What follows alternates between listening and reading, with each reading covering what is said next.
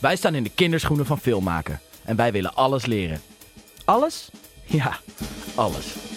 Filmmaken is een vak apart. Licht, geluid, camera, edit, acteren, produceren, regisseren en dat allemaal voor 90 minuten bewegend beeld. In deze podcast duiken we samen met professionals de diepte in om zoveel mogelijk te weten te komen over het vak. Goed dat je luistert naar Dutch Angle. Even één stap terug op die boot. Ja. En kom maar weer. Michiel Collenteur is First AD. Hij werkte aan Minus, Zwarte Boek, De Dominee, Filijnen zegt sorry, Vet Hard en nog veel meer. Wat doet een First Assistant Director eigenlijk? En hoe coördineer je een zeeslag? Hoe ben jij in de film beland? Ehm, Oké, het begon allemaal op de Academie Industriële Vormgeving in Eindhoven. Eh, ik weet niet meer wanneer was dat, 86, 87. Ehm, had niks met film te maken. Eh, we hadden daar een soort stakingsjaar, dat kon toen nog. Heel jaar niet naar school geweest en dingen waren tegen iets met het onderwijs. Ik weet het ook niet meer precies. Daarna gingen we weer door, maar toen had ik er eigenlijk helemaal geen zin meer in. Toen dacht ik van ik wil wat anders. Eh, ik wil wel iets met reclame en fotografie, dacht ik toen. Ehm, en dacht ik van ja, dat is hier niet. Dus wat dan? En toen was er opeens een nieuwe afstudeerrichting op de HKU in Utrecht. Dus de Hogeschool voor de Kunsten Utrecht. Audiovisuele vormgeving. En dacht, oh, dat is mooi. Dan kan ik daar wel, misschien dan wel in het derde of vierde jaar beginnen. En dan uh, rol ik er zo in. Nou, er was geen sprake van, want het was gewoon een nieuwe studierichting. Dus ik kon niks anders dan alleen maar in het eerste studiejaar daar beginnen. Um, ik wist ook niet of ik nou camera of licht of geluid of weet ik veel wat. Vandaar niet de filmacademie, maar werd het de HKU.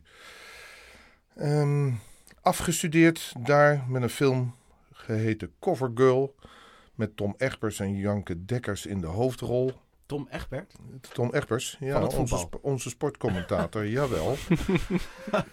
en um, die was de jonge rechercheur ten opzichte van Janke Dekker, die de criminele vrouw was. En uiteindelijk, nou heel gauw, een beetje Amsterdam-achtig nagedaan, in Utrecht gedraaid. Ook met bootjes over de gracht al daar. En uiteindelijk slaat Tom Egberts Janke Dekkers boven op de domtoren in de boeien.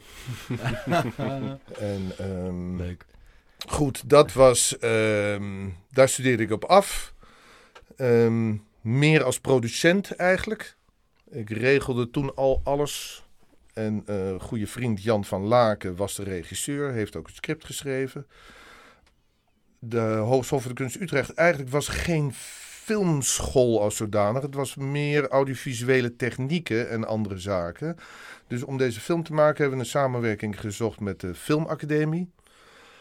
En uh, die leverde, of leverde, maar uh, daar kwam de cameraman vandaan, het geluid, de montage. Uh, eigenlijk, en, en de apparatuur, want die hadden we ook niet op de academie. Mm, daar is eigenlijk de link naar de filmwereld ook daadwerkelijk ontstaan. En alle jongens die daar toen hebben meegewerkt aan Covergirl, ben ik ook allemaal later weer tegengekomen echt in, in, uh, in mijn filmcarrière, zeg maar. Wie waren dat dan? Uh, nou, dat was toen de cameraman Herman Verschuur.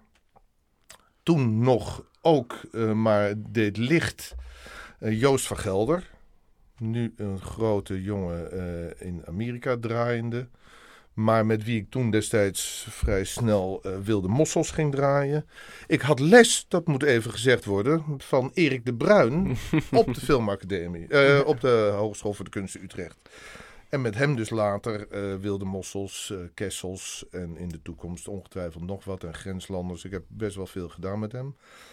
Toen uh, ben ik met die vriend met wie ik afgestudeerd ben, met uh, Jan van Laken, uh, zelf een eigen productiemaatschappijtje begonnen.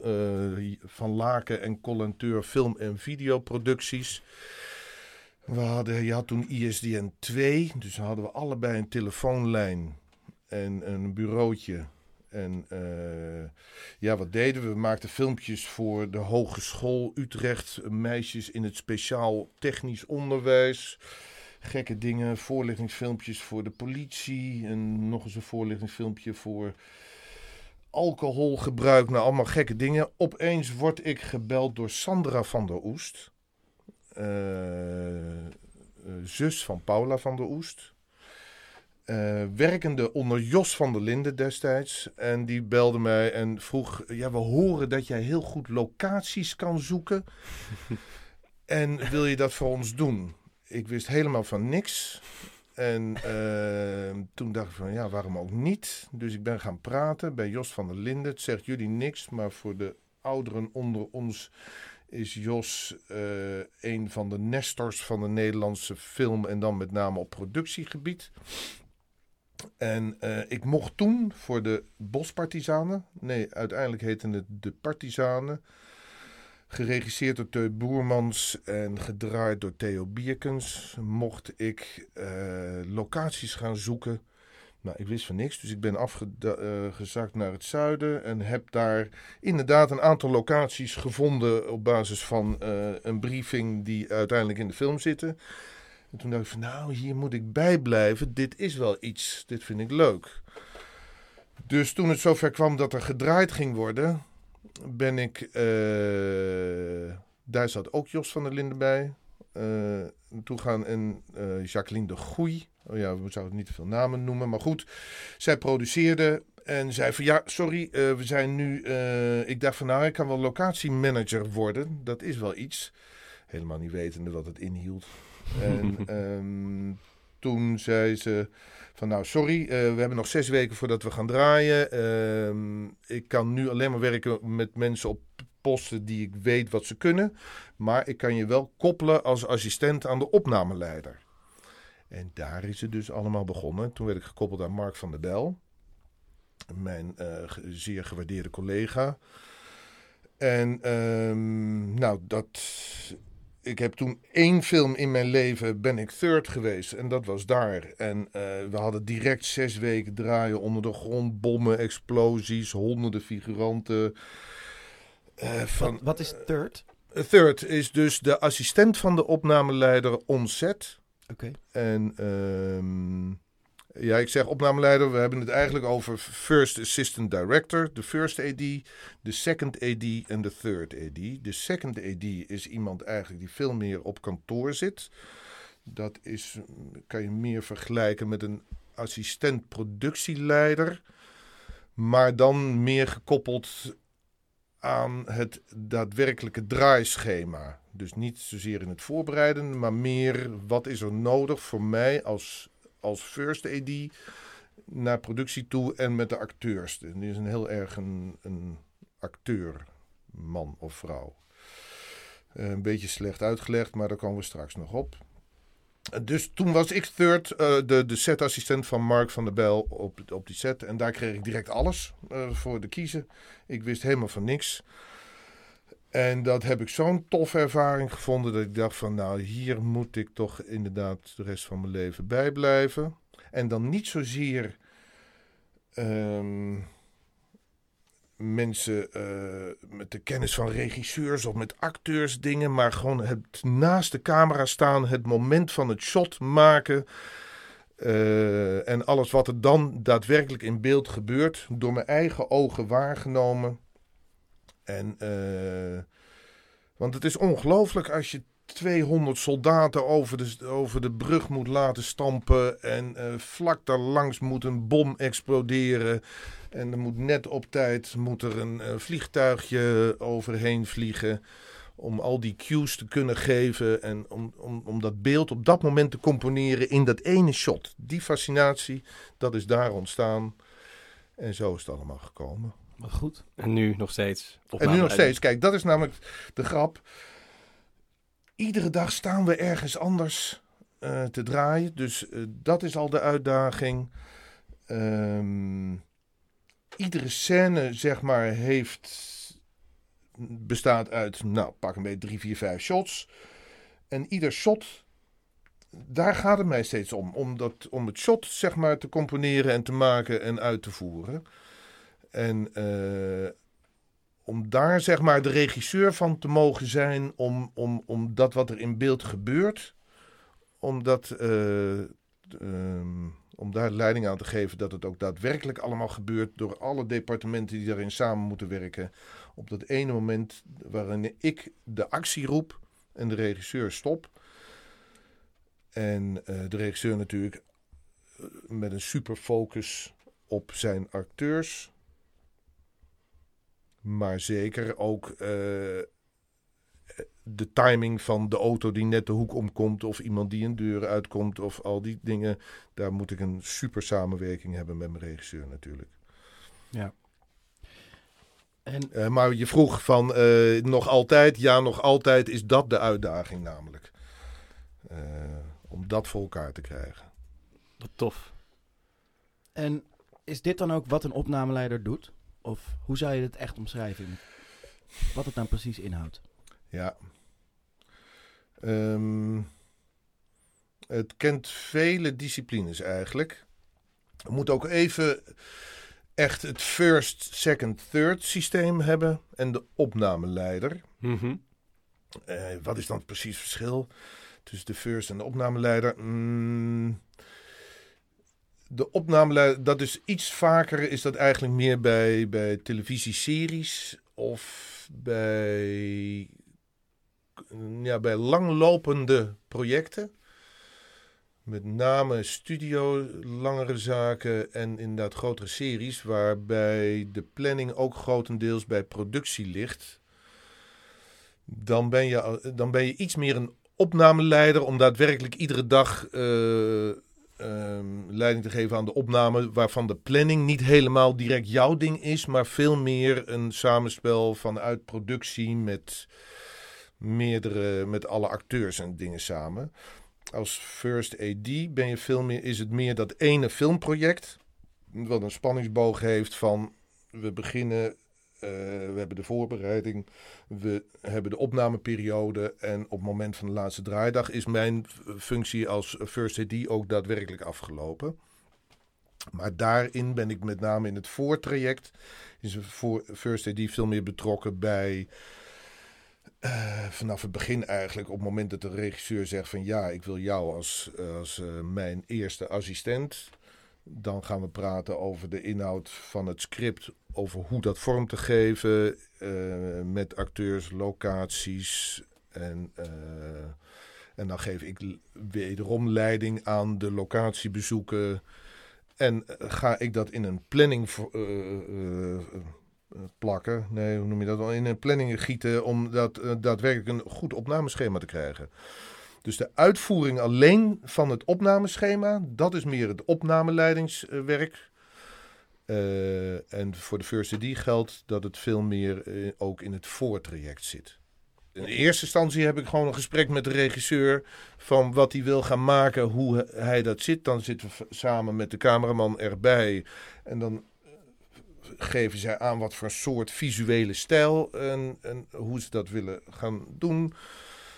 En dan zijn er gesprekken met kleding, make-up, met, eh, met het licht. Met die, al, al die diverse departementen moeten allemaal besproken worden. En die moeten begrijpen wat camera en regie willen. En ik moet dat tot één eh, samenwerkende groep smeden. Dat dat ook daadwerkelijk eh, lekker zit. Dan vatten we dat in een planning. En dan gaan we draaien. Dat is dan weer, eh, dat is eigenlijk de laatste stap. De leukste stap? Mm, is het de leukste? Nou, het is, ja, eigenlijk wel.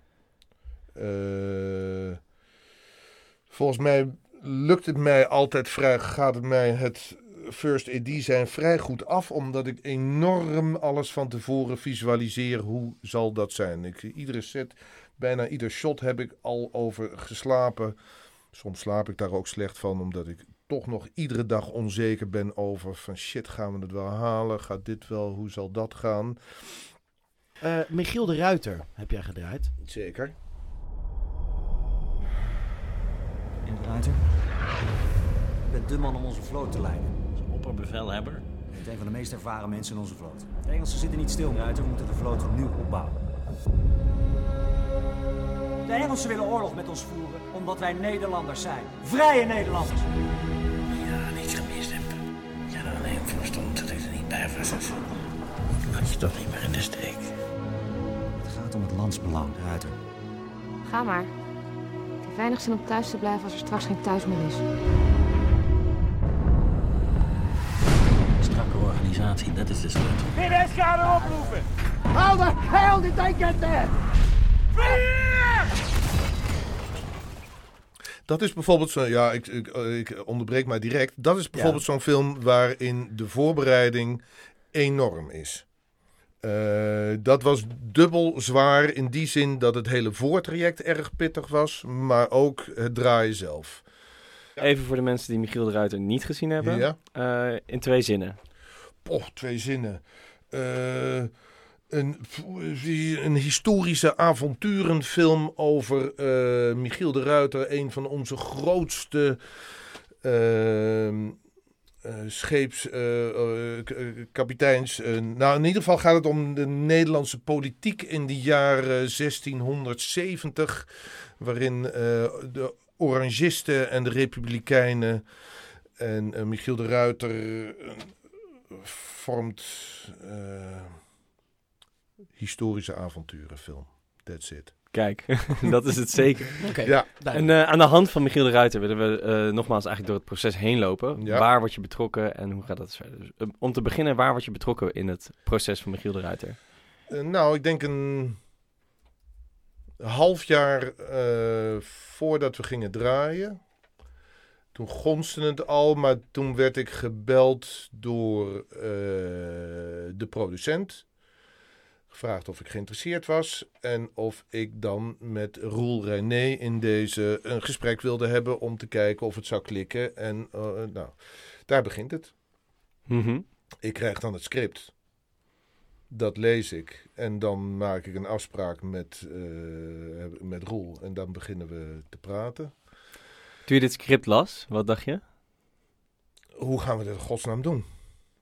En, ehm, maar dat is het hele goede van Roel. Eh, ehm, die is nergens bang voor. En is de meester in, eh, net zoals eh, Tim Oliehoek, by the way. om op slimme, simpele manieren een hele hoge production value te scoren. Mhm. Of dat inhoudelijk het allerbeste is, is, is de vraag. Maar het heeft zeker het effect daarvan. En, dus Roel, eh, want waar zat hem hier de problematiek in? Natuurlijk hebben we de acteurs en het spel en alle zaken. Maar hier ging het om locaties. Alles natuurlijk, eh, ja, 17e eeuw, de gouden eeuwperiode. Vindt die locaties één maar. En twee, realiseer je even wat daar allemaal niet aan moet veranderen voordat we daar überhaupt kunnen draaien. En dan natuurlijk alles met de, met de schepen en de gevechten. En zoals het al in het script stond, van ja, we varen in linie met, eh, met 200 schepen aan de ene kant en 200 aan de andere kant. En eh, de kanonnen beginnen te schieten en eh, Michiel de Ruiter staat aan het roer en we gaan overstag. En hoe moet dat in beeld gebracht worden terwijl we die schepen allemaal niet meer hebben? En er kan natuurlijk heel veel met CGI en zaken, maar toch, het moet, eh, je, hoe meer je in camera kan draaien, hoe beter het is. Mhm. En dat wil zeggen dus eh, hoe meer je van de visual en special effects echt daadwerkelijk voor de camera kan mogelijk maken, is beter dan het alleen maar in de computer allemaal na te maken. Dat zie je toch. Mhm. Ondanks dat dit natuurlijk een mega, ehm, hoe noem je dat? Eh, deze film kan niet zonder visual effects. Nee, nee. de- je ziet regelmatig een Eh. paar honderd schepen. En ik geloof niet dat Ja. we die eh, hebben Nee, gedraaid. we hadden er vijf. Oké, Ja. dat is nog best wel wat. Dat is nog best wel wat, zeker. En die werkte ook allemaal gewoon. Nee, dus dat is ook. ehm, hoe ging het ook alweer? Nee, het grote schip waar Michiel de Ruiter op vaart. ligt nu bij Lelystad en had toen geen masten. Dus die staan er, al die masten staan er, zijn er allemaal weer opgezet. We zijn toen wel met dat schip eh, mega verhalen. Maar goed, eh, zijn we er wel uit geweest en hebben we daadwerkelijk op het eh, Marker en IJsselmeer gevaren. Met de zeilen, gedeeltelijk. Alleen de onderkant, want de masten waren dus niet hoog genoeg. Maar er was geen wind. Dus de bolling van de zeilen werkt helemaal niet. Want die lappen zijn zo zwaar, dat hing gewoon recht naar beneden. Maar als je goed kijkt in de film, zie je dat die bolling is er weer met visual effects ingezet. Grappig, dat zei je namelijk. Ja, dat, Torben je- die eh, had de film gezien en die zei... Ja, daar kan je zag toch, sommige dingen kan je dat eh, inderdaad wel zien. Niet, ja. Ehm, maar goed, dus je bent gevraagd door René. Ja. Eh, je hebt een script gelezen waarvan je zelf eh, denkt van hoe gaan we dit in godsnaam doen. En dan eh, ga jij zelf ook in de preproductie aan de slag. En wat ben je dan aan het doen? Oké, nou het allerbelangrijkste is in eerste instantie om het script in het zogenaamde Movie Magic scheduling programma in te voeren. Dat is ehm, een planningsprogramma noemen we dat. Dus daarin eh, wordt iedere scène minutieus benoemd van alles wat daarin zit. Het, makkelijkste is natuurlijk eh, om de acteurs te benoemen, de figuratie. Maar dan staat er, eh, nou goed, gaan we even door. Hoe zijn die mensen gekleed? Eh, Make-up, bepaalde zaken. Zeker voor een periodefilm. eh Frank Lammers in deze moest natuurlijk een pruikje. Zie de foto. Ehm, de kleding moest speciaal gemaakt worden, want een plastic knoop bestond toen niet. Eh, al die dingen worden minutieus in dat programma eh, genoteerd. Dan moet bepaald worden waar. eh, dus de locaties moeten natuurlijk eh, gevonden worden. Dan moet er eh, van de locatie bepaald worden op welke set. En dan nog weer op welke set, als het het schip is, staan we achter bij het roer, zitten we in het vooronder, zitten we daarbij. Nou, dat moet allemaal bepaald worden. Ehm, ik ga de locaties en de sets bij elkaar halen. En de beschikbaarheden van de acteurs. En eh, dan probeer ik dat te gaan zeggen van nou, in ieder geval, ja, het, eh, je begint grof en je tunet steeds verder. Dus eh, we komen erachter dat we eh, vijf dagen in Zierikzee in het huis van Michiel de Ruiter moeten draaien. We moeten twee dagen in de haven draaien. We moeten drie dagen in Veren ergens anders draaien. Dan moeten we een maand lang, denken we, aan vijf boten, verschillende pontons en zaken in Lelystad draaien. Nou, zo ontstaat er een heel schema van hoeveel, ongeveer hoeveel draaidagen. Ik weet het niet zeker meer, maar volgens mij hadden we er 45 of 48 voor Michiel de Ruiter. Dat zijn er best weinig voor eh, een film van 2,5 uur, toch? Ja, maar dat is ook Roel René. Ehm, Dus dat is een keuze geweest van de regisseur. Nou, het is niet helemaal regisseur. Het is altijd geld natuurlijk in eerste instantie. Hoeveel geld hebben we? Wat kost het? Eh, waar geef je het geld aan uit in deze? Eh, Heb jij daar hadden nog heel veel over? figuranten bijvoorbeeld nodig. Ja. Als je, geloof ik, het verhaaltje leest, hebben we 5000 figuranten gehad. Als je die allemaal zou moeten betalen, de normale prijs en dit en dat met alle kosten en het eten, vergeet dat niet voor al die mensen en het onderdak. En dan is dat een megabedrag. Dus is er een heel team opgebouwd en opgezet om mensen te zeggen van wilt u meespelen in Michiel de Ruiter? Daar is Klaas de Jonge en consorten een meester in. En die hebben op die manier, zeg maar, het figuratiebudget redelijk naar beneden kunnen houden. Om iedereen op, op eigen initiatief mee te laten doen. Ja. En dan komt er geld, nou niet vrij, maar dan, eh, dan kan het geld ergens anders aan besteed worden. Heb jij daar nog iets eh, in de pap te roeren in die gesprekken? Eh, ja. Ehm, nou, dat is namelijk het gekke. Ehm, niet zozeer in de inhoudelijk creatieve keuzes, maar wel in de inhoudelijk productieve keuzes. En hoe het daadwerkelijk van idee tot, of nou niet tot plaatje, tot werkelijk de setting voor de camera eh, in de realiteit gebracht moet worden. Daar heb ik gek genoeg voor ieder departement wat over te zeggen. Ah, of kijk. mede over te zeggen. Eh, ehm, maar let eens op wat ik zeg. em, In het productionele, in de totstandkoming daarvan. Dus niet... Ik kan niet zeggen van... eh, ik vind het eh, jasje van, eh, van Frank Lammers niet passend. Dat is natuurlijk een, een regiematige keuze. Maar ik kan wel zeggen van... Oh, we gaan Frank neerschieten. Dus hij krijgt kogelgaten in zijn jasje dan is het slimmer om de scène waarin de kogelgaten nog niet in zijn dingen, om die eerst te draaien. Of, eh, jongens, hoe vaak gaan we dit doen? We hebben dat jasje van Frank drie keer no drie nodig, want anders eh, komen we niet handig uit in een volgorde van draaien. Dus dan bel jij het kostuumdepartement en dan zeg je, we hebben drie jasjes nodig. Ja, maar dat wordt dan alweer in de breakdown, in principe in de breakdown vergadering, wordt, die, eh, wordt dat besproken. Juist. En dit is dan één minimaal detail dingetje. En daar zijn er, nou, ik denk per scène, zeker bij dit soort dingen, zijn er wel 50 variabelen waarover gesproken moet worden voordat we komen tot het maken van dat ene shot. Wauw. Ja. En dat is dus een, eh, een half jaar dat je daarmee bezig bent. Even kijken. Nou, nee, dat was het gesprek. Ehm, ik weet niet meer helemaal de timing, maar laat zeggen dat ik bij dit project wel drie maanden voor de eerste draaidag fulltime vanaf dat moment er eh, mee bezig was. Ja, Wauw. Dan gaat er gedraaid worden. dan gaat er gedraaid worden. Meesterlijk. Ehm, dat is wel even leuk om te vermelden. eh, over hoe.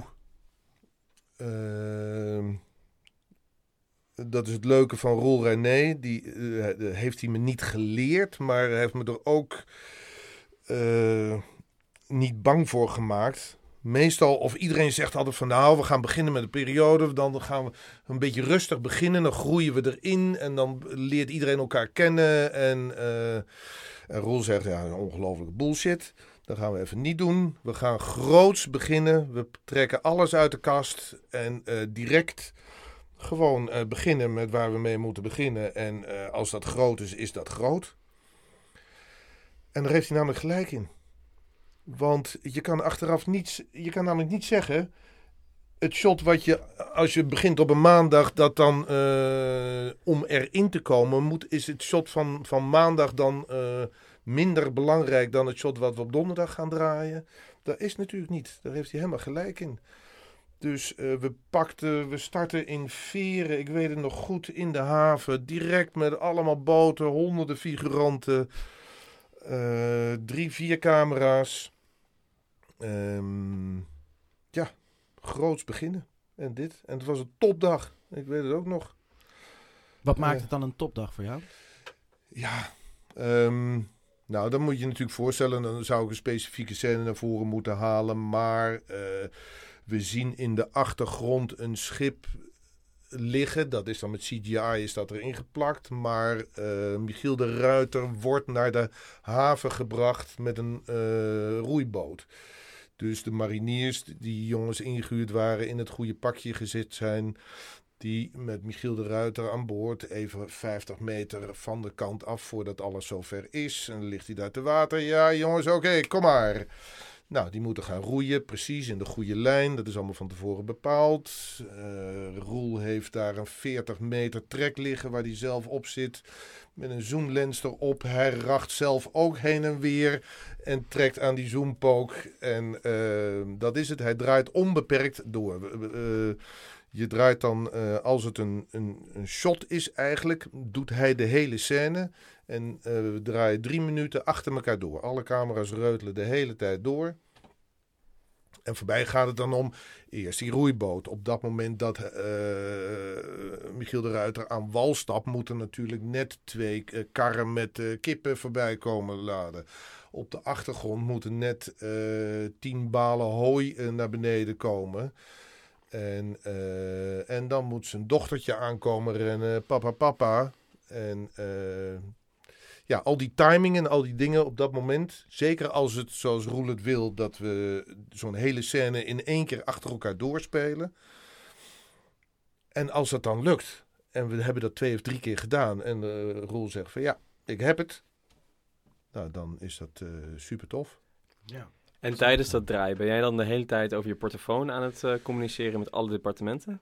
Nou, niet met alle departementen, maar dan wel weer met mijn third. En op zo'n set heb ik meerdere assistenten. Mhm. Want er staat er eentje bij die drie karren met die kippen die aan moeten komen. En er staat er eentje met, eh, nou, bovenin, eh, om al mijn cues steeds door te kunnen geven. Inderdaad, dus eh, ehm, ik geef, ja, ik zit de hele tijd op de porto, maar dat zijn, dat zijn meer de cues die ik geef dan dat ik op dat moment eh, lange verhalen over de porto afsteek. En, ehm, en ik kijk heel goed. Je moet namelijk heel goed kijken. Daar gaat het eigenlijk om. Eh, dus ik kijk naar de camera, ik kijk naar de acteur, ik kijk naar wat er achter is. Ik kijk ook naar de straat, want dan zie ik eh, iets gebeuren van... Hé, hey, eh, assistent die en die, kijk, want daar op rechts eh, zien we opeens allemaal mensen uit eh, 2010 eh, om het hoekje en die staan gewoon in het shot. Haal ze weg. Ehm, of ik zie dat de camera net aan het terugrijden is. En nog even niet het kader heeft wat voor de moeten. Dus dan zeg ik tegen, roep ik tegen Frank: Frank, even, even één stap terug op die boot. Ja. En kom maar weer. Nou, dat soort dingen. Dus ehm, Welke dingen laat je over aan Roel en welke dingen doe jij aan aansturing? Ehm, ja, dat is dan weer gek. Dat is, iedere regisseur is daar anders in. Ehm Roel doet heel erg veel zelf. Die schreeuwt heel veel zelf en die pakt die camera en die doet alles. Maar meestal, ik ben alleen maar, eh, zeg maar, ehm, ik grijp in op de dingen die er daadwerkelijk allemaal bewegen en doen van andere dingen. En de regisseur altijd natuurlijk naar zijn acteurs toe. Die roept er regelmatig doorheen. Pak die tekst nog even terug of zeg het nog een keer. En eh, dat moet ik niet doen. Want eh, ik weet niet. Ja, dan wordt hij boos. Ja. Ehm, kijk, ja, dan kom je verder in zo'n eh, in zo'n proces. En eh, is het dan ook zo dat er dan wel mensen beter op elkaar ingespeeld zijn en dat het dan ook soepeler gaat lopen? Ja, op zich is dat wel waar. Maar eigenlijk ehm, geldt voor mij. eh, niet om mezelf de borst te kloppen. Maar je staat eigenlijk op mensen. op een filmset waar mensen weten wat ze moeten doen. Het zijn allemaal professionals. Dus ehm, de rijder of het, eh, de, de- ja, trekje of de kraanbeweging of eh, het pruikje van de acteur of ehm, het special effect van eh, het balletje wat precies tegen het glaasje aan moet rollen. Al die dingen zijn van tevoren bedaan gedaan. Ja, en of we dat nou op de maandag als eerste doen of de donderdag later. Het moet altijd een goed shot zijn. Als het geen goed shot is, dan hoef je het niet te maken. Dan hebben we het helemaal niet nodig. Of, ehm, dus ja, je raakt wel. Nou, voor acteurs natuurlijk speelt het ook wel. We moeten er wel even in. Dat is wel waar. We moeten wel even in het verhaal komen en in de dingen. Of een familie moet gaan samengroeien. Dat is wel zo. Oké, ik plan het wel. Ehm, het eh, ik kan best wel met een grote scène beginnen, maar ik. eh, je probeert wel het drama in continuïteit zoveel mogelijk op te bouwen als dat kan. Eh, dus je begint inderdaad niet met een dramatisch hele zware scène. eh, dan wil je toch dat de acteurs daar over het algemeen. Maar dat, ja, toch is dat geen wet van mede en persen, want een acteur kan het ook zelf aangeven. Sommigen willen juist, als er in de scène gehelpt moet worden, dat ze direct willen dat de camera als eerste hun close draait. Mhm. En de anderen zeggen van, nou, doe, eh, geef mij eerst het tegenspel, ik, eh, eh, ik wil het later. Bespreek jij dat dan met de acteurs? Nee, nou, dat is een beetje gevoelsmatig. Nee, dat is een, meer met de regisseur eigenlijk. Oké. Eh, maar daarom, ik moet goed kijken, goed Ja. luisteren. En daar eigenlijk zonder dat we daar woorden aan vuil maken, is dat zo. Dat is de flow waarin je komt. Dat iedereen voelt van, hé, hey, we weten precies wat we aan, allemaal aan het doen zijn en wat er nog moet. En ehm, dat is de lol. En dan is het een topdag als het op die manier eindigt en in plaats van zes uur en het is eh, tien over half zeven geworden, maar we hebben alles gedaan wat we hebben moeten doen en het is oké, dan is ook iedereen oké. Ja. En wie is jouw aanspreekpunt eigenlijk? Is dat meer de regisseur of de producent? Ehm, het moet allemaal gedraaid worden binnen, de, binnen het geld en de tijd die ervoor staat. Ja. En eh, ik moet zorgen dat ik mijn regisseur eh, tevreden houd dat die kan maken wat hij wil maken In die tijd. in die tijd. Ja. Eh, dus daar is een spanningsveld, inderdaad. En ik, maar volgens mij doen de meeste first AD's dat. Ik ben heel erg voor mijn regisseur en voor het project en voor het doen. Ik zal altijd het uiterste uit de kan halen en nog een keer en nog een keer. En ehm, ja, dan toch maar die zesde take ook. Pas als het heel gek wordt, zeg ik van, nou, hebben we het niet al? Ehm, we moeten een beetje op de tijd letten. Gisteren waren we er ook al een uur overheen. Eh, pas op met wat we doen met de crew. Ja. Maar over het algemeen ben ik daar niet zo heel. eh, dat is ook een verschil wel tussen film en televisie. Televisie is veel meer. Moet alles binnen die tien uur en een kwartier. En drie kwartier lunch en dingen. Bij film zou dat ook moeten. Maar ben ik daar iets. Ben ik meer voor het project en de regisseur dan. eh, Oké, dus de vraag was. Ik moet voor de producent. eh, die, zal mij, die komt mij wel om zes uur in mijn nek hijgen. Van Ja. hey, eh, nou, dan babbel ik, probeer ik dat. Ja, ja, ja, dat zullen we ook echt zoveel mogelijk doen. Als het echt uit de hand loopt, dan ga ik wel naar de regisseur. En ook camera, pas op. eh, het is Mhm. helemaal niet alleen de regisseur. Want de regisseur wil vaak juist draaien. Maar camera wil eh, er het mooiste plaatje van maken. Dus eh, dan moet het licht gezet nog worden. Of er moet nog een vlaggetje bij of iets. Terwijl die regisseur zegt van ja, ik wil nu draaien. Ik wil op tijd klaar zijn. Ook spanningsveld. Ja. Maar gaat altijd goed. En er zijn altijd hele flauwe opmerkingen. Er is nog nooit iemand naar de film gegaan omdat het, omdat het een mooi licht was.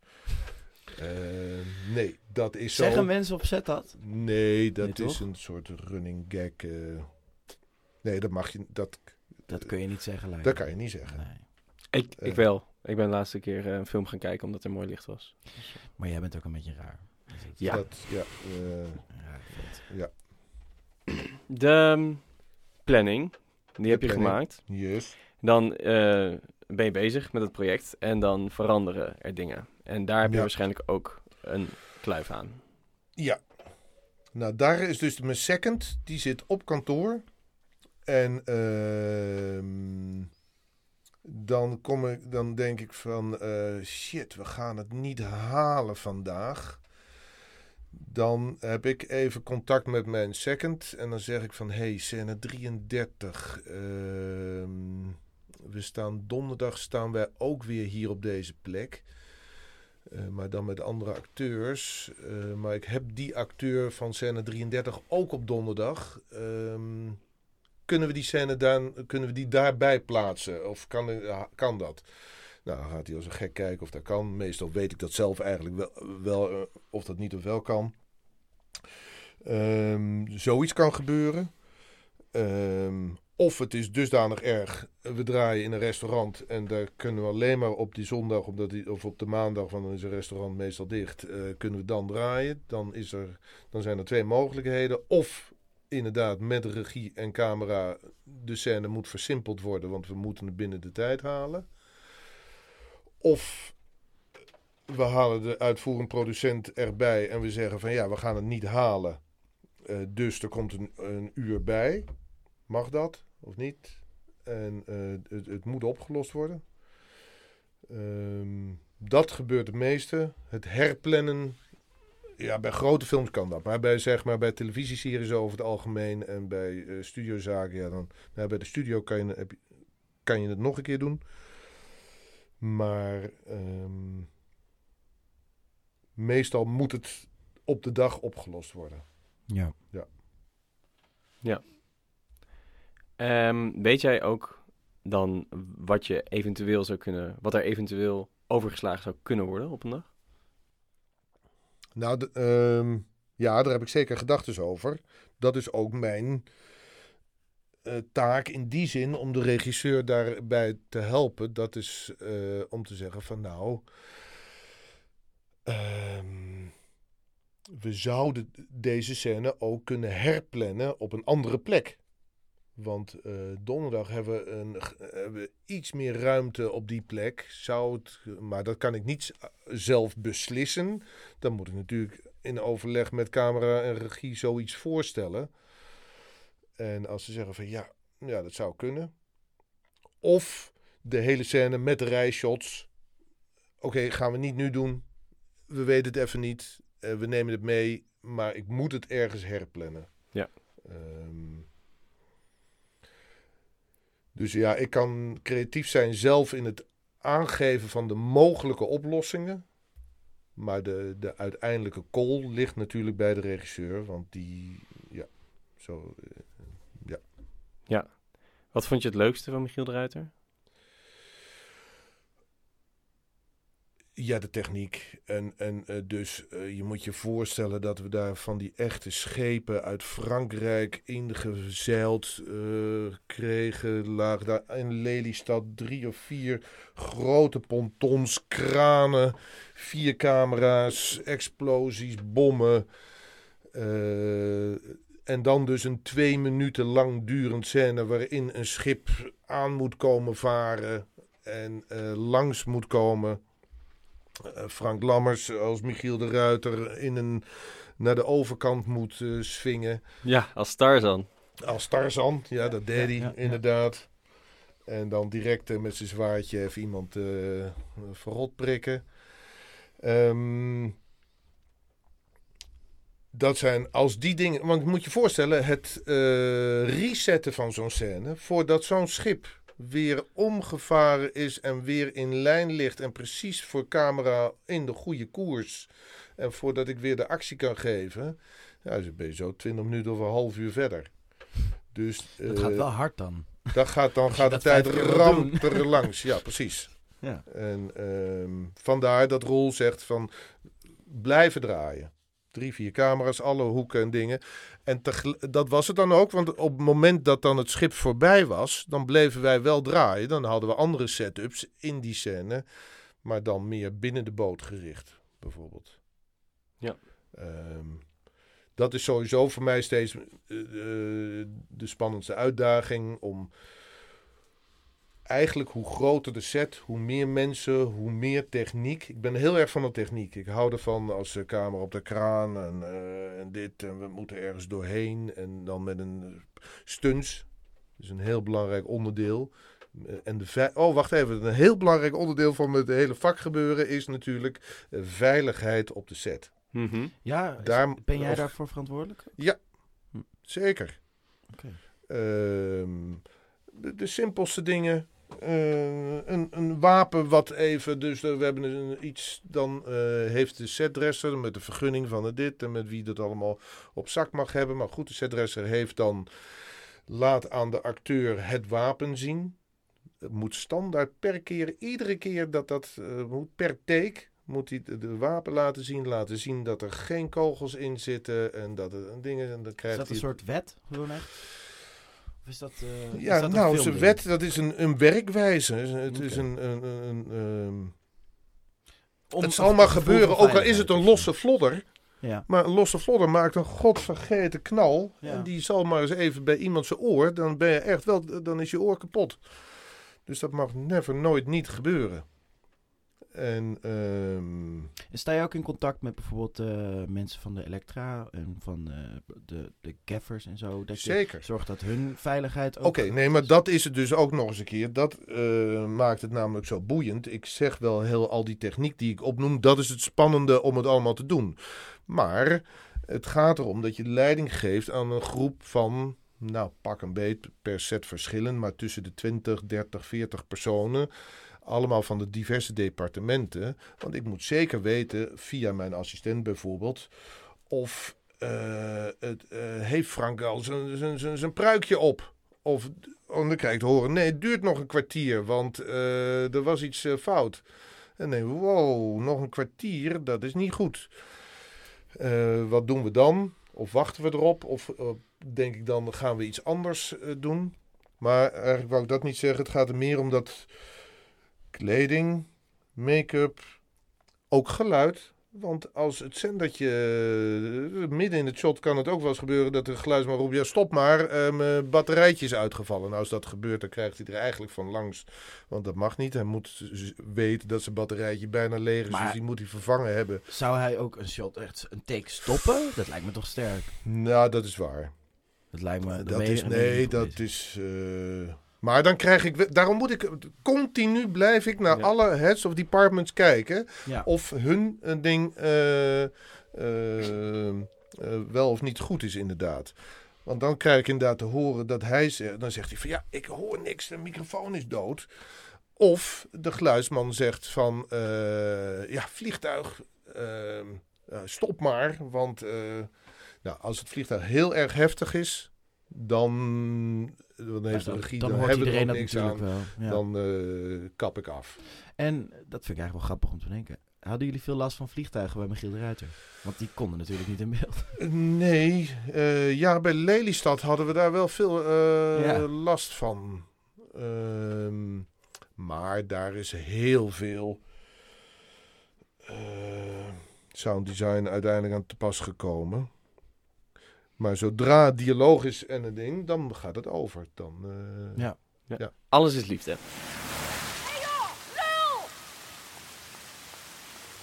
Wat je naar huis brengen? Nee, rot op! Oh, omdat? Omdat ik seksloos en eenzaam door het leven ga. Ja, ik ving zoiets op, ja. Sorry. Oké. Ik denk elke dag, kan het nog erger? En dan gebeurt er iets en nou ja hoor, kan het altijd nog net een graadjes in de hand dan ik al dacht. Nou, gelukkig heb je je uiterlijk mee. Nou, dat kunnen we voor jou niet zeggen. Nee. Maar goed, ik heb een hele andere kwaliteit. Oh, zoals daar zijn. Nou, ik ben nog wel goed in bed. Oh. Kiki, Vader Piet. vader Piet.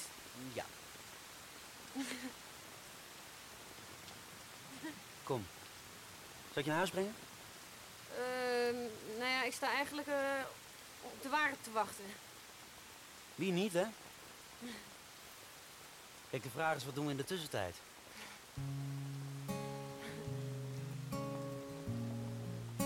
Jo.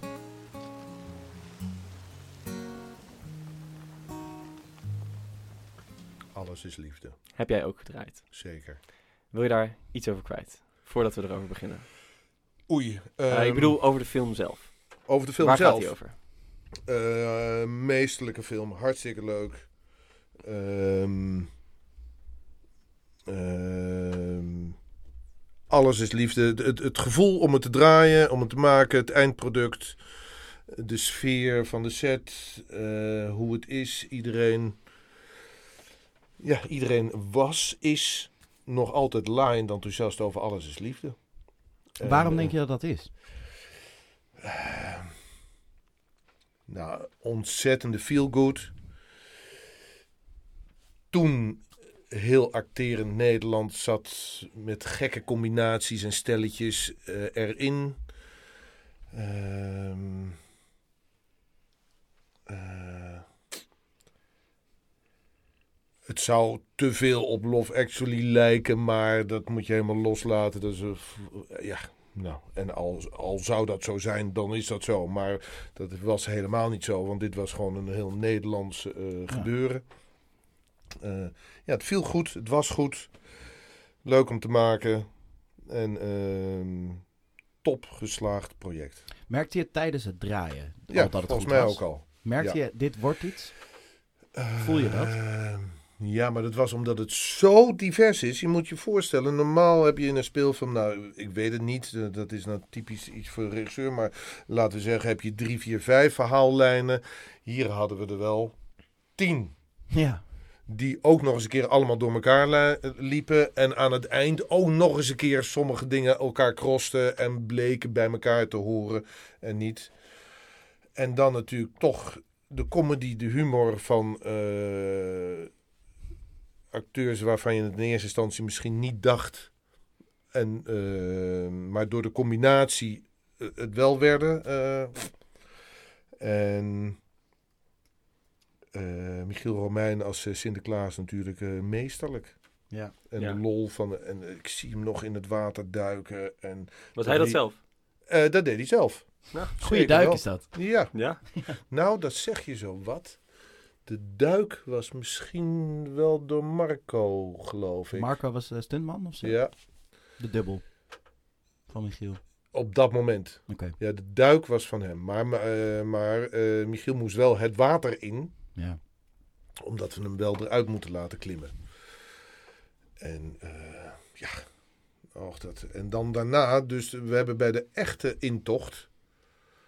Hebben we stiekem eh, Michiel eh, Romein in een natte Sinterklaaspak door de kinderen heen laten rennen. Dat was bij de echte Sinterklaas natuurlijk. Dat was bij de echte Sinterklaasintocht. Want het was namelijk te pittig om.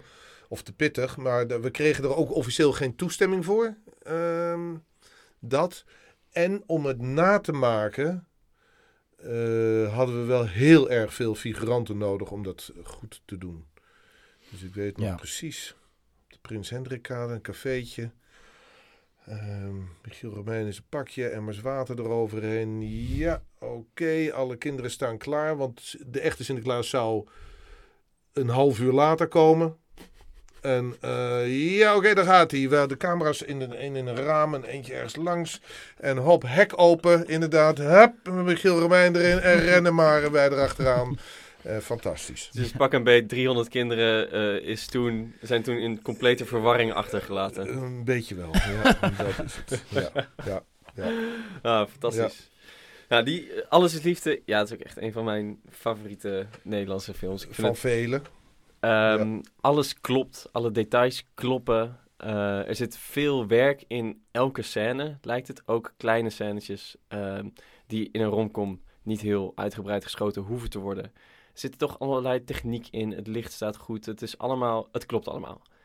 Ja, klopt. Ehm, het klopt dat het alles klopt. Nu lijkt het mij, nou dat hebben we ook van Frank Lammers gehoord, dat, ehm, dat om dat goed te krijgen, dat het heel erg helpt om veel tijd te hebben. Ehm, en een goede sfeer te hebben op set. Om het allemaal goed te laten landen, ook om comedy te laten werken. Ehm, en ik vroeg me af, hoe is dat gegaan? Hoe werkt dat nou zo dat dat lukt? Dus nou, maar iedere setting heeft ze. eh, eh, ja, er gebeuren gewoon dingen op de set die het dan aanvullend leuk maken.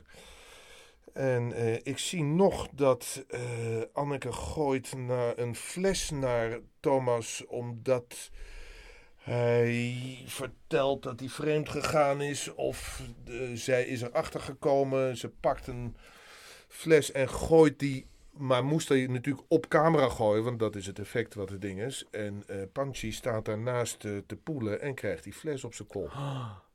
Dat nog, ja, moet je ooit. Was dat een echte fles? Dat was een echte fles. Oh shit. En eh, dus, eh, nou, er was op dat moment poeh, heftig. En Panchi helemaal eh, dingen, liep boos naar buiten. Konden we even niet draaien en alles. Maar, Was hij gewond of? Nou, niet echt gewond. De fles, dat niet, maar het was ook niet leuk. Zal er een bult aan overgehouden hebben. Maar ja, achteraf natuurlijk, het hele verhaal en dat dat gebeurde, was wel oké. Ja. Maar dat was Sorry, jouw verantwoordelijkheid, toch? Als jij de Eh, veiligheid dat, ja, eh, oh, eh, terugkomend op de veiligheid. Ja. Ja. Maar eh, daar kon ik in dit geval ook even niks aan doen. Nee. Nee.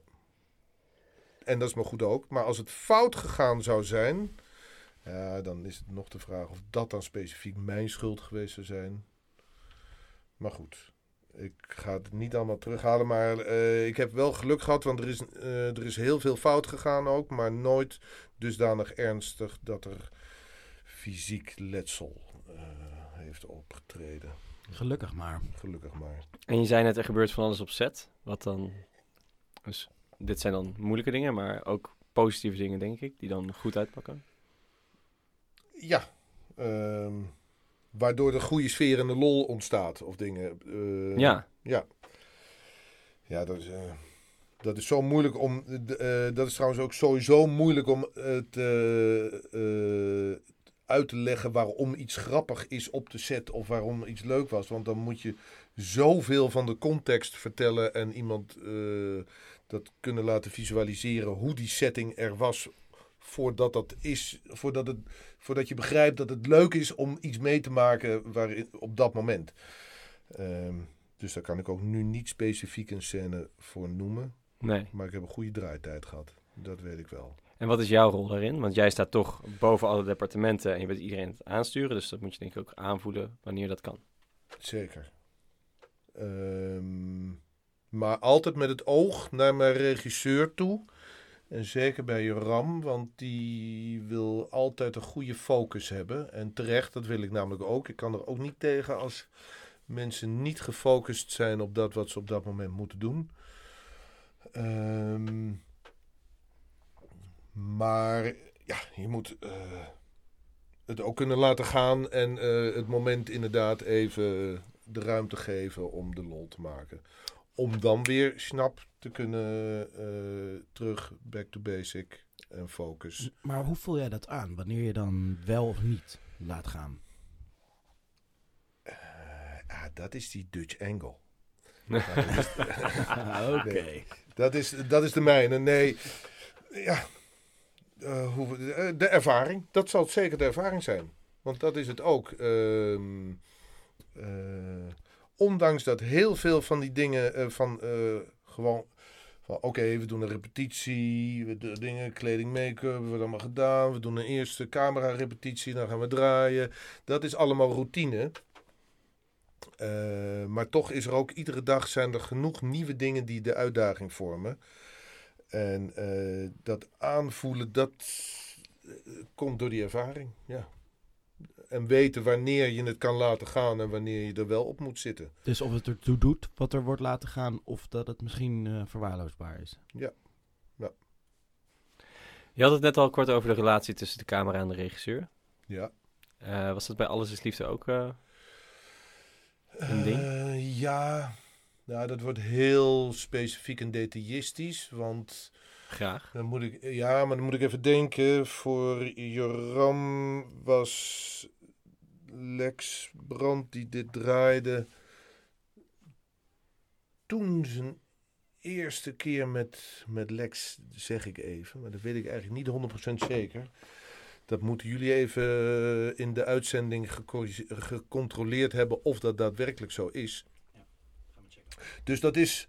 ehm, een eerste keer is, voor. eh, nou, ze hebben natuurlijk moeten een klik hebben gehad en een, een feel maken zij samen vooraf om dat te gaan doen. Maar dat moet dan ook daadwerkelijk op de set ook nog eens een keer eh, zo uitpakken dat dat gebeurt. En dat heeft gewerkt. Daarom is Alles is Liefde met name, eh, of onder andere goed, omdat ook camera, regie, het licht, de kleding, ieder, alle departementen eh, hadden de lol erin en werkten goed samen. En, en dan wordt het, eh oh, daar komt hij, dan wordt het een holistisch gebeuren. Dan Mhm. wordt dus de som der delen, of het, het, het eindproduct is meer dan de som der delen. Zo moet je het zien. Ja. Ja, en hoe zie jij jouw rol erin? Eh, nou ja, dat gaat dan wel weer heel ver. Maar eigenlijk is, eh, hoop ik, iedere keer als opnameleider, die, eh, want ik ben dus de man die die, die die delen samenbrengt. En ik hoop dus dat door de leiding te geven aan al die departementen, dat het eindproduct inderdaad meer is dan de optelling van die delen, maar dat er door ja, die samenwerking en dingen, dat ik iets toevoeg waardoor het een eh, net iets, iets meer wordt dan zomaar de som der delen, maar net meer. En zijn er dan momenten waarop dat lastig wordt? Ah, natuurlijk zijn die er ook. Eh, ehm, en niet, het is natuurlijk ook weer niet altijd koek en ei en leuk. En eh, soms pis ik ook van, eh, van de regisseur omdat hij nog een take wilde. Ik denk van nou, eh, even niet nou. We hebben nog zoveel te doen. Ehm, eh, ja, dat gebeurt ook. Regisseur en de acteurs. Die, die werken ook aan een scène terwijl die gedraaid wordt. Eh, en die hebben denk ik het liefst zoveel mogelijk tijd om te experimenteren. Ehm, wanneer laat je dat ontstaan en wanneer kap je dat af? Eh, met name regie en ac- acteur, daar kan ik niet echt afkappen. Eh, dat, Dat zou een moeilijke zijn. Daarom heel goed kijken, heel goed aanvoelen en heel veel luisteren en weer kijken eh, wat, hoe de eh, regisseur met zijn acteur of actrice omgaat. En ehm, is ook heel erg eh, regieafhankelijk. De ene regisseur wil veel experimenteren op set en wil meerdere takes met, met meerdere versies van het spel van de vraagt hij van de acteur. En de andere regisseur, of het is zelfs per scène momentum van ik, dat de regisseur zegt: Ik wil heel specifiek alleen maar dat van jou horen. Ehm, maar eigenlijk kom ik nooit, ga ik niet eh, naar de eh, acteur toe om iets te zeggen van wat de regisseur bedoelt of wilt of wat. Het is wel zo dat ik hem medestuur van dat ik zeg van op het moment dat jij door die deur komt, is, eh, ben je close in beeld. En pas Mhm. als jij doorgelopen bent naar de keuken, eh, zien we je totaal. Dus ehm, doe ermee wat je wil doen. Maar dan, acteur weet dan, of ze vragen aan mij, Michiel, wat voor lens zit erop? Ja. Beetje acteur behoort dat te weten. En moet ook weten, ja, die moet dat echt weten, vind ik. Ehm, Ja, waarom? de, een acteur moet weten eh, hoe die, wat deel van het lichaam van hem in beeld is voor zijn spel en zijn tekst en, eh, en zijn expressie. Ehm, ja, een close-up speelt echt heel anders dan een totaal, lijkt mij. Ja, Eh, dat kan ik me wel en, voorstellen, eh, ja. Dat is zo. Dat is zo. Ja. Dus een acteur moet dat weten. En weet dat ook over het algemeen. Eh, Ja. ja. Ehm, ja, je moet altijd doordraaien. Dus soms zijn de omstandigheden zwaar, soms zit je in de nacht, soms ben je een uur over tijd, soms is iedereen moe. Eh, jij moet dan alles gaande houden. Dus hoe ervaar je dat? Nou, is een belangrijk punt. Ehm, ik kan zelf nooit verslappen. En ik kan zelf niet aangeven dat ik moe ben. Eh, hooguit als een gebbetje onderling even. Maar ik ben inderdaad de motor eh, van het opnameproces. En, eh, dus ik kan niet verslappen. Ik, uh, zeker niet als de tijdsdruk er is of dat we nog veel moeten en, eh, en door. Dan eh, ik blijf s- s- schreeuwen, nooit schreeuwen. Je mag niet schreeuwen op de set. Maar eh, eh, wel duidelijk maken wat er aan de hand is. En eh, eh, krachtig spreken, zeg maar. En daaruit moet blijken en moeten mensen voelen dat we nog niet klaar zijn en dat we doorgaan. En eh, dat je die focus moet houden om dat ook daadwerkelijk te doen. Is dat iets wat je geleerd hebt over de jaren of heeft dat altijd wel in je gezeten? Eh, nee, dat moet ik geleerd hebben over de jaren.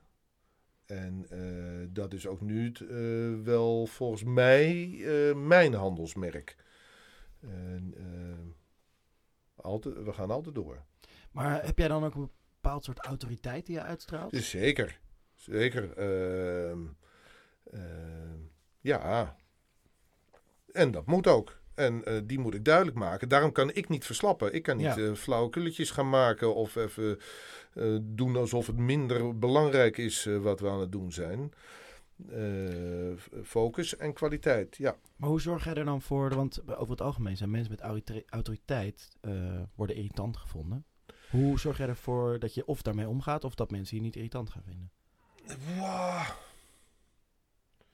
Ehm, nou, dat is een, dat, dat, ja, dat is een spanningsveld. En dat moet je eigenlijk dus aan anderen vragen. Ik heb het idee dat ik daar precies goed in ben. Dat ik eh, wel ehm, meer vraag van de mensen. En, ehm, en het is ook, de, eh, het is ook no hard feelings. Hè? At the end, als het wel de rap is, dan staan we met z'n allen biertje te drinken. Ja. Maar als we een fuck-up hebben met een rijer of iets, of er is iets gekloot, of inderdaad tijdens het shot is de zender uitgevallen of iets, dan, moet, dan spreek ik wel de diverse departementen aan op hun niet geleverde professionaliteit van, van dat wat ze hadden moeten leveren. Ja. En eh, dat klinkt dan onaardig. Maar ik schreeuw niet en ik, ik, ik zet iemand niet in de zeik. Ehm, en eh, volgens mij is het allemaal heel gezond, want op de set moet dat ook zo zijn om die focus te houden. En dan mag je ook iemand. eh, ze worden er goed voor betaald. Tenminste, ik word er goed voor betaald. Eh, wat andere mensen doen, dat moeten ze zelf weten. Maar eh, dus het wordt ook van mij verwacht om eh, de mensen aan te spreken die niet goed leveren. Ja, sorry. Ja. Zo is het nou eenmaal. Nou ja, dat is dan misschien wel wat een opnameleider goed maakt, toch? Die autoriteit denk het wel. de autoriteit. En dat moet natuurlijk een beetje groeien. En je moet er het gevoel voor hebben.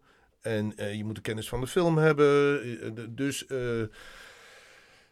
daarom eh, moet je erin groeien.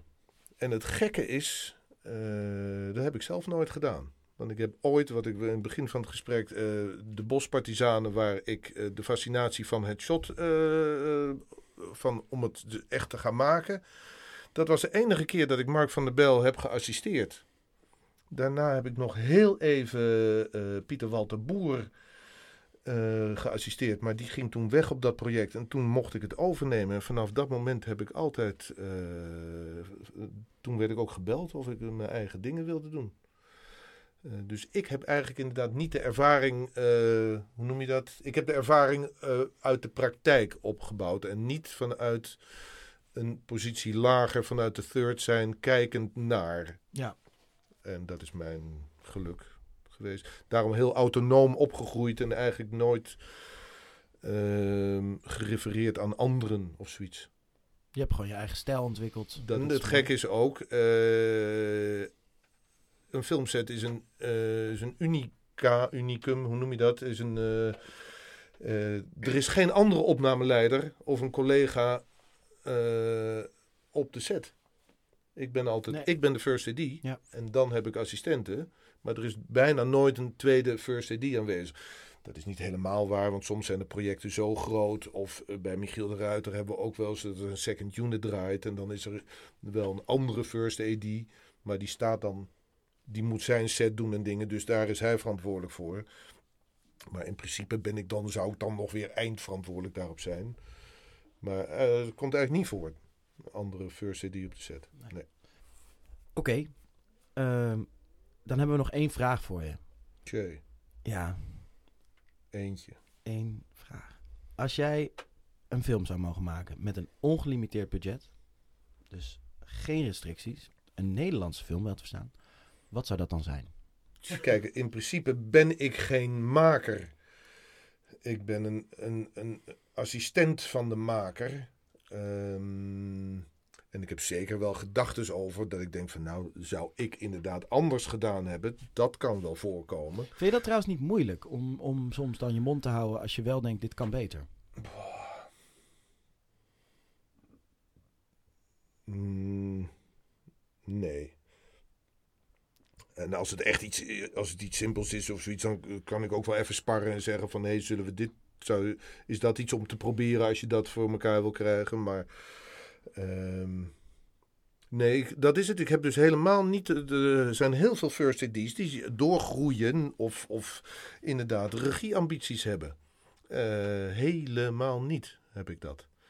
Eh, ik ben ontzettend eh, tevreden in de positie waarin ik ben. En dat wil ik ook graag blijven doen. Ben jij meer een planner dan een maker, denk je? Ja.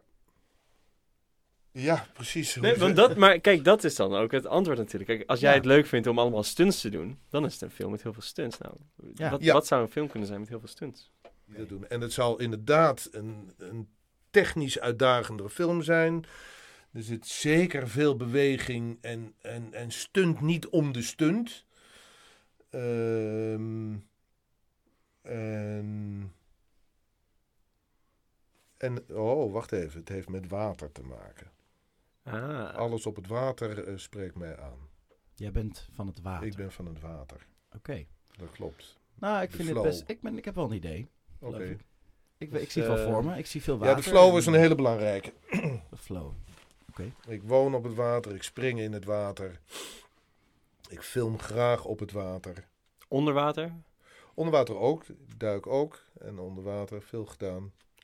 En ehm, Amsterdam is gezonken. Eh, er moeten boten komen om, dat weer, om daar schatten uit op te halen. En, eh, en dan komt er een... Komt, eh, Noorwegen wil dat ook en dat wordt een conflict. Oké, maar dit is jouw dat film. is, nee, maar dat is, Ja, maar dan kunnen wij dat we gaan hebben maken. Hier een, we Oh, hebben ja, hier een premisse die... eh, er moet nog iets meer dramatiek in. De, Noren dus komen, oké. Ja, en een prachtige Noorse... Fjorden. Ik ben heel erg van de fjorden.